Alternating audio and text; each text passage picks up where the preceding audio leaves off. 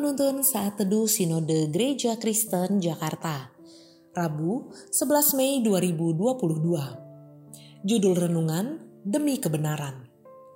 Diambil dari Nats Markus 6 ayat 17 Sebab memang Herodeslah yang menyuruh orang menangkap Yohanes dan membelenggunya di penjara berhubung dengan peristiwa Herodias, istri Filipus saudaranya, karena Herodes telah mengambilnya sebagai istri.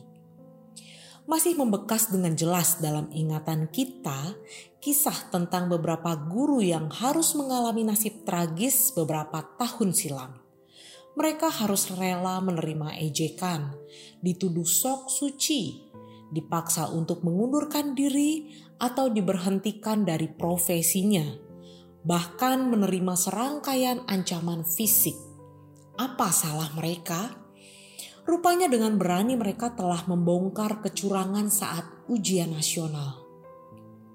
Melakukan sebuah kebenaran ternyata juga bisa memberi risiko buruk bagi pelakunya.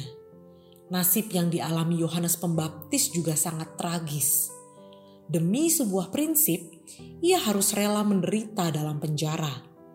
Demi sebuah nilai kebenaran yang dijunjungnya, Akhirnya ia harus mati di tangan penguasa yang lalim. Semua peristiwa tragis itu berawal karena keberaniannya dan terang-terangan menegur Herodes yang mengambil Herodias istri saudaranya itu. Yohanes pun tahu apa risiko yang akan diterimanya karena berani menegur kesalahan penguasa. Bagi Yohanes, ia lebih rela dirinya menderita daripada menyaksikan orang lain menderita karena dosa. Menegakkan nilai-nilai kejujuran dan kebenaran akan selalu menuntut keberanian dan pengorbanan. Bisa jadi kita akan dibenci, disingkirkan, diintimidasi, bahkan dianiaya karena kita menyatakan sebuah kebenaran kepada seseorang. Apakah kita sedang mengalaminya?